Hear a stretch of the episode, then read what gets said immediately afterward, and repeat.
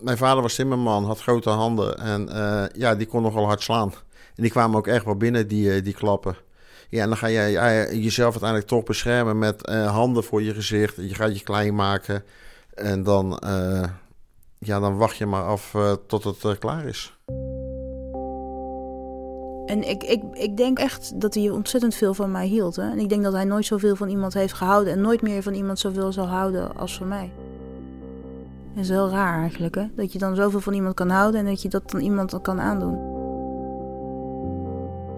Je luistert naar Ik sla mijn vrouw, een podcast van Omroep Brabant. Aflevering 4, Spijt. René vertelde ons vorige keer hoe hij, na de zoveelste escalatie tussen hem en zijn vrouw, werd gearresteerd. Uiteindelijk lig ik in de voortuin met een heel uh, stapeltje agenten bovenop me. Dan word je in de boeien geslagen en dan word je inderdaad met veel uh, geweld de politieauto ingegooid. En ja, dan, dan word je afgevoerd. Na een tijdje in de gevangenis mag René weer naar huis. Alleen, hij heeft geen huis meer. Zijn vrouw wil hem niet meer zien en bij zijn familie is hij ook niet meer welkom. Ja, dan, dan, dan, dan ben je uiteindelijk toch een behoorlijk uh, een zielig hoopje. Dat je echt even niet meer weet uh, waar je naartoe moet. Want alles wat om je heen zat, dat had je al weggejaagd. Dus daar is al niemand van over. En uh, ja, dan, dan, moet je, dan ben je eigenlijk alleen op de wereld. Dan moet je maar even kijken hoe je dat gaat oplossen. Hoe is dat jou uiteindelijk gelukt?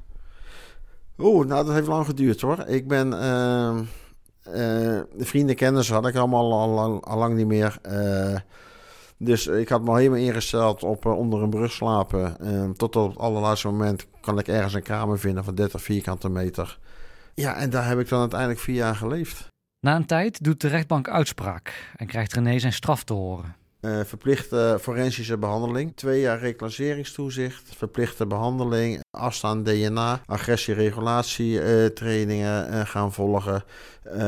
met uiteindelijk ook een, een, een, stok achter de deur dat als ik al die dingen niet goed zou doen, dat ik nog eens een keer extra vast zou komen te zitten als, als compensatie. Ja, dat, dat, dat, zijn dan hele vervelende situaties waar je eigenlijk nooit in wil belanden. Maar die ik ook nooit gezien had voor die tijd. Ja, er zullen ook mensen zijn die dit horen die denken, ja, verdiende loon. Ja, en terecht. En misschien is het ook wel zo. Uh, het zijn de gevolgen van iets wat je heel impulsief doet. En uh, je kan gewoon niet overzien. Je dadelijk kan je niet overzien. En uh, ik was er ook niet toe in staat. En zeker toen niet. Uh, ja, en, en, dan moet je maar weer zien hoe je het leven gaat oppakken. Karen is negen jaar lang mishandeld door haar ex. Ze werd door hem gegijzeld en was elke dag bang dat hij haar zou vermoorden. Vorige keer vertelde ze hoe ze samen met haar kind ontsnapte. En toen ben ik gaan rennen, rennen, rennen en ik ben blijven rennen. En toen zag ik een bus en die heb ik gestopt. En ik heb tegen die buschauffeur gezegd, ik moet uh, weg hier. En uh, maakt niet uit waar naartoe, maar ik moet hier gewoon nu weg. Dankzij de hulp van haar moeder en een vriendin kon ze uiteindelijk een huis in België vinden. Een frisse, nieuwe start. Maar hoe pak je het leven dan weer op? Uh, ik heb heel lang uh, s'nachts geleefd. Uh, overdag sliep ik. Ging mijn zoon naar school en dan sliep ik. En dan uh, overdag, dan, of s'nachts, dan, dan was ik wakker. Ik wilde ook niet naar buiten. Ik wilde niet tussen de mensen zijn. Ik wilde niet. Ik kon de dag gewoon niet aan. Ik, kon, ik, moest dan mijn zoon ophalen uit school. En dan stond ik daar tussen al die andere moeders. Nou, en dat was een hel voor mij. Dat was echt een hel. Want dan, uh, dan valt al jouw stress en adrenaline en, en heel die, dat hele gebeuren valt weg. En dan moet je ineens natuurlijk uh, jezelf onder ogen gaan komen. En dan moet je natuurlijk wel onder ogen gaan komen wat voor situatie je hebt geleefd en hoe je hebt geleefd. En en, en ook misschien nog wel de angst waarin je eigenlijk nog steeds leeft. Want, want waar je altijd bang voor was, die situatie is er eigenlijk nog steeds. Uh, op een gegeven moment, hij wist heel snel waar wij woonden. Mijn, de naam van mijn zoon die stond op de website van de school. Dus hij wist eigenlijk heel snel dat wij in een heel klein dorpje woonden. Nou ja, ik was altijd met de rolluiken dicht. Als ik een auto op het aan hoorde komen rijden, dan was ik natuurlijk hartstikke bang. Ik had een pad naast het huis. Ik had een, een, een bungalow, een grote bungalow. Pad naast het huis. Niemand kwam daar. Dus als dan iemand het pad opreed, dan was ik zo bang. Uh, ja, dan is hij een keer gekomen en toen heeft hij, uh, heeft hij mijn bankpas uh, uit mijn, uit mijn tas gejat. Toen ben ik achter hem aangereden. Toen, wilde, toen ging hij tanken in Baarle-Nassau. Toen ben ik, uh, ben ik, uh, wilde ik hem eigenlijk doodrijden. En mijn zoon zat gewoon naast me in de auto. En ik ben de auto uitgesprongen en ik heb daar zo schreven om mijn creditcard. Nou ja, het was een uur of vijf, zes, dus het is hartstikke druk daar. Iedereen keek. Uiteindelijk heeft hij uh, die, die, die passen naar mij toe gegooid. En toen ben ik in de auto gestapt en toen ben ik weggereden. En toen ineens, toen toen, toen viel natuurlijk een heleboel uh, adrenaline, boosheid en stress viel van me af. En toen ineens realiseerde ik me wat ik had gedaan. Hè? Dat ik hem dood wilde rijden. Dat ik uh, in, met mijn auto in de zijkant van zijn auto ben gereden. Uh, dat ik hem ben achtervolgd. mijn zoon zat in de auto. En toen dacht ik ineens bij mezelf: Nou ja, ik ben net zo gek geworden als hem. Nog net zo gek geworden als hem. En toen ben ik, uh, uh, ben ik hulp gaan zoeken. Uh, durf je hem eronder uit te halen? Ja, natuurlijk. Durf te halen. Misschien dat er wat stofwolken bij komen, maar... Dus als ik deze weghaal, kan ik hem inklappen. En, en, en, dat inklappen is juist heel bijzonder, want dan kan je hem namelijk ook heel klein maken. René wil ons nog graag iets laten zien. Onder in een kastje bewaart hij een mooie herinnering uit zijn jeugd. Er zit een plastic slagboom zit daarvoor die omhoog en omlaag kan. En dat is best wel leuk om, uh, om te doen. Het is een oude, beetje verroeste speelgoedgarage. En op een gegeven moment kwamen er ook vrachtwagens bij. Die kwamen dan de benzinepomp weer tanken. En uh, de achterplaat is van Total. Ik had een vrachtwagen van, uh, van Aral echt, dit was mijn lust en mijn leven. En uh, uiteindelijk ben ik ook automonteur geworden. Uh, heb ik ook nog wat uh, op het circuitpark Zandvoort gedaan als technisch controleur. Hier kon ik uren meespelen. Waarom had je zoveel gevoel bij deze garage? gekregen van Sinterklaas. ja, speciaal voor mij stond mijn naam op ook, op het cadeau. Ja, in dat opzicht is het dan ook van mij. En als andere kinderen vinden dat hun er ook recht op hebben, ja, dat is me echt wel bijgebleven. Uh, dat gaat niet lukken. En juist in een kinderthuis waar je zoveel toch eenzaam en alleen bent, uh, zijn dit de dingen die je dan koestert en uh, die iets voor jou betekenen. Waarom moest je naar een kinderhuis? Een kinderthuis, um, daar moest ik naartoe omdat ik een vervelend kind was. Mijn vervelend hoe? Ja, vervelend hoe. Maar mijn ouders konden mij niet handelen. Ik, uh, ik deed dingen die niet uh, mocht van mijn ouders. Alleen ze wisten niet hoe, het, hoe ze het anders moesten doen. Wat, wat deed je dan? Ja, uh, vechten met je broer, uh, bovenop hem gaan leggen, uh, dingen afpakken, andere kinderen plagen. Dat soort dingen. Dus gewoon echter qua jongens streken. Alleen voor hun allemaal nieuw, want mijn grote broer deed dat, dat soort dingen allemaal niet. Ik wel. En ja, uiteindelijk word je dan een vervelend kind wat altijd maar uh, treidt het een pest. En dat vonden ze uiteindelijk een goede reden samen met maatschappelijk werk toen om mij naar een kinderthuis te stoppen. Hoe was dat? drama ik heb er een jaar gezeten. Gewoon een soort heropvoedingskamp vond ik het. Het was een, uh, ja, een groot uh, huis. Ik weet alleen dat er veel kinderen zaten, dat het veel onder, onder de wang ging en dat ik daar geen fijne tijd heb gehad. En, en, en daar heb ik doorheen moeten zien te komen. En, en daar heb ik inderdaad ja, best wel geleerd om voor mezelf op te komen. En als andere kinderen daar een, uh, een stuk speelgoed van mij wilden hebben, ja, dan zou je het moeten vragen. Afpakken is gewoon sowieso uh, een probleem. Want dan uh, ging jij. Ja, ja, dan ging ik terughalen. Ja, dat klopt. Ja, dat waren dingen die had ik gekregen.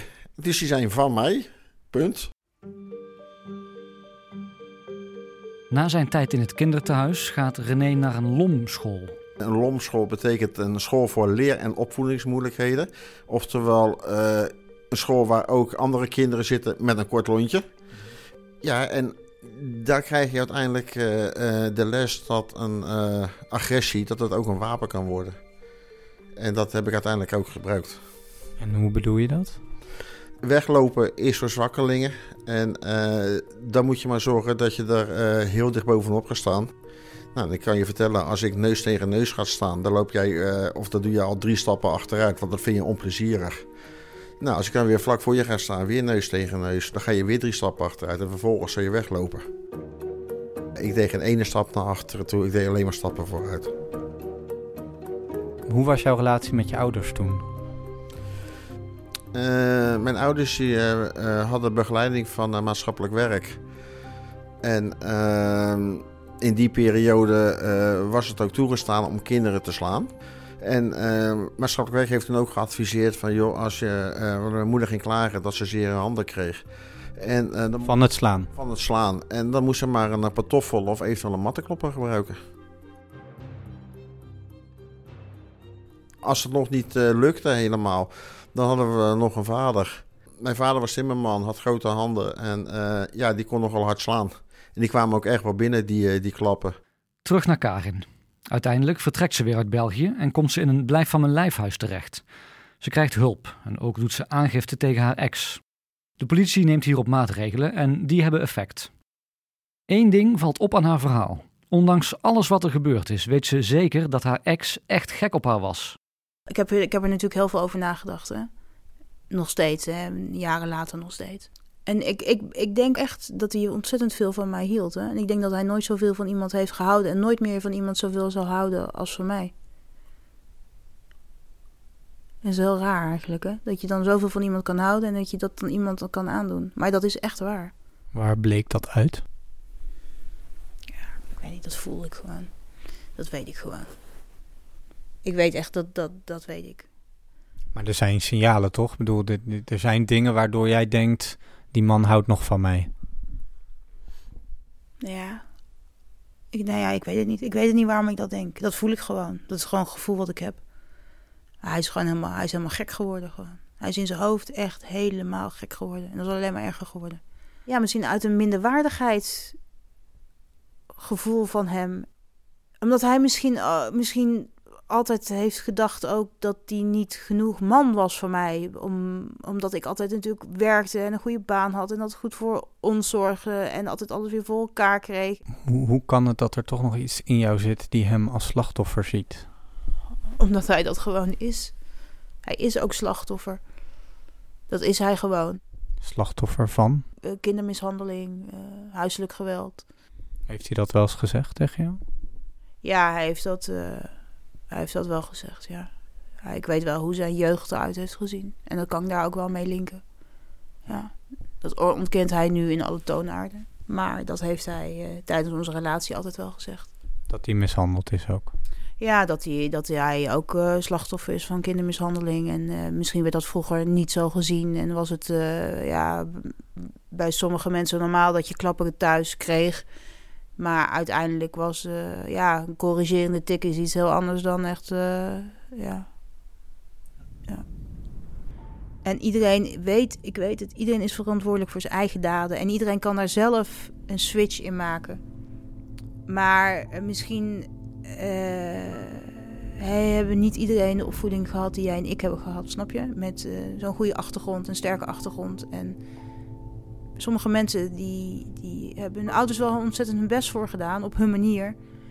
Maar ehm, die zijn eigenlijk al vanaf heel kleins af aan, hè, vooral met kindermishandeling, eigenlijk al doemd om te mislukken voor de rest van hun leven.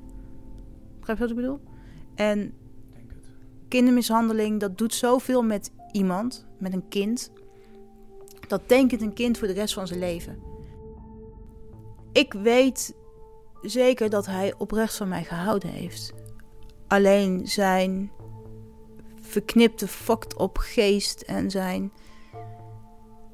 alles wat hij heeft meegemaakt. en zijn drugsgebruik en al die dingen. dat heeft hem gemaakt tot het monster wat hij is geworden, eigenlijk. En dat is eigenlijk voor hem heel sneu. Maar ik bedoel, jij hebt toch ook hele fokt op dingen meegemaakt. Waarom ben jij dan niet verknipt en hij wel? Omdat ik een hele goede basis heb. En daarom is het zo ontzettend belangrijk dat dat, dat al, eh, die kindermishandeling, dat dat al aangepakt wordt vanaf dat dat aangepakt wordt. Want daar begint het. Waarom ben jij eh, huiselijk geweld gaan plegen? Omdat ik niet wist hoe het anders moest. Eh, doelen bereiken en met agressie. Omdat ik dat heel mijn leven al geleerd had en ingezet heb. En eh, dat heb ik uiteindelijk ook binnen zijn huis gedaan en achter de voordeur gedaan. Waar heb je het meeste spijt van? Maar ik, me- nou, eh, het meeste spijt uh, kan ik niet zo 1, 2, zeggen. Ik heb wel sowieso verschrikkelijk veel spijt uh, over hoe ik überhaupt ben geworden en, en waar dat aan gelegen heeft. kijk, een, een partner pijn doen wil niemand. er is een situatie, daar weet je niet mee om te gaan. En vervolgens wil je dat corrigeren door agressie te gebruiken. ik, ik heb de consequenties daarvan moeten ervaren. Alleen ehm, ja, het is gebeurd, het is geweest. Uh, uiteindelijk kan je dat allemaal niet meer veranderen. Uh, wat kan je dan, dan nog wel veranderen? Dat is uh, wat ik nu doe en wat ik straks ga doen. Wat heeft jou uiteindelijk veranderd? Um, uiteindelijk is er twee jaar lang helemaal aan mijzelf gewerkt. En mocht ik aan mezelf werken. En dat heeft uiteindelijk ook zover geleid dat ik uh, heel mijn leven kon herbeleven. En uh, na het heel veel gesprek uiteindelijk ook andere visies kon krijgen van... oké, okay, je was een vervelend kind, maar waarom was je dan een vervelend kind? Wat jij heel in het begin ook al vroeg. En, um, maar worden vervelende kinderen dan geboren? Nee, die worden niet geboren. Nou, en zo stapje voor stapje kom je er dan achter dat... Uh, mijn ouders waren waarschijnlijk uh, nooit capabel genoeg om mij de goede tools te geven, omdat ze ze zelf waarschijnlijk nooit geleerd hadden. Ik heb er een eigen draai aan gegeven. En uiteindelijk heb ik er zelf iets van gemaakt wat niet goed te praten is. Ja, en dat hele proces en die twee jaar lang uh, zijn we daar doorheen uh, gelopen. En heb ik iedereen de schuld gegeven, behalve mezelf. Uh, om uiteindelijk gewoon erachter te komen van oké, een deel is mijn schuld, daar ben ik zelf verantwoordelijk in. Maar er is ook een deel wat ik niet verantwoordelijk voor ben. En uh, dat is mij zo aangeleerd. Wat kan ik daar in de toekomst mee uh, gaan doen dan? En hoe moet ik dat dan anders doen? Dan kan je op een gegeven moment ook gaan zeggen: joh, ik kom in een situatie terecht uh, die ik niet wil. Dus ik ga nu al eruit stappen. Ik ga aangeven dat ik nu wegga. En dat is voldoende. Ik hoef niet aan iemand te vertellen waarom ik dan wegga. Nee, het is nu even klaar. Ik ga nu weg. En ik kom daar wel een andere keer op terug. Ja, ik mag gelukkig zeggen dat ik uh, uh, nu vijf jaar uh, agressievrij ben. En dat heeft nog best wat jaren geduurd voordat weglopen wijsheid werd. René heeft besloten om met zijn ervaringen iets positiefs te doen. Tegenwoordig helpt hij andere daders van huiselijk geweld. Wat denk jij is nu het allerbelangrijkste? Wat moet er nu echt gebeuren waarvan jij zegt van dat gaat nu nog niet goed in, in, in nou ja, die begeleiding? Mm, we denken nog steeds achteraf. Uh, er moet eerst wat gebeuren. Uh, dan moet er een aangifte komen. En dan wordt een uh, pleger van huiselijk geweld vaak opgepakt. Waardoor we dus altijd achter de feiten aan blijven lopen.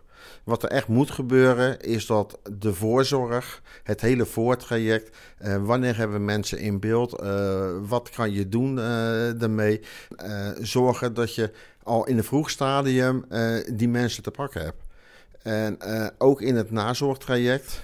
Ik zeg altijd van, als je aan drangs en drugs zit, dan heb je altijd wel AA-groepen of groepen voor, voor drugs. Uh, bij agressieproblematieken is dat er dus gewoon niet. En moet je het maar weer uitzoeken. Waar zit het beest nu? Het beest zit nog steeds in me.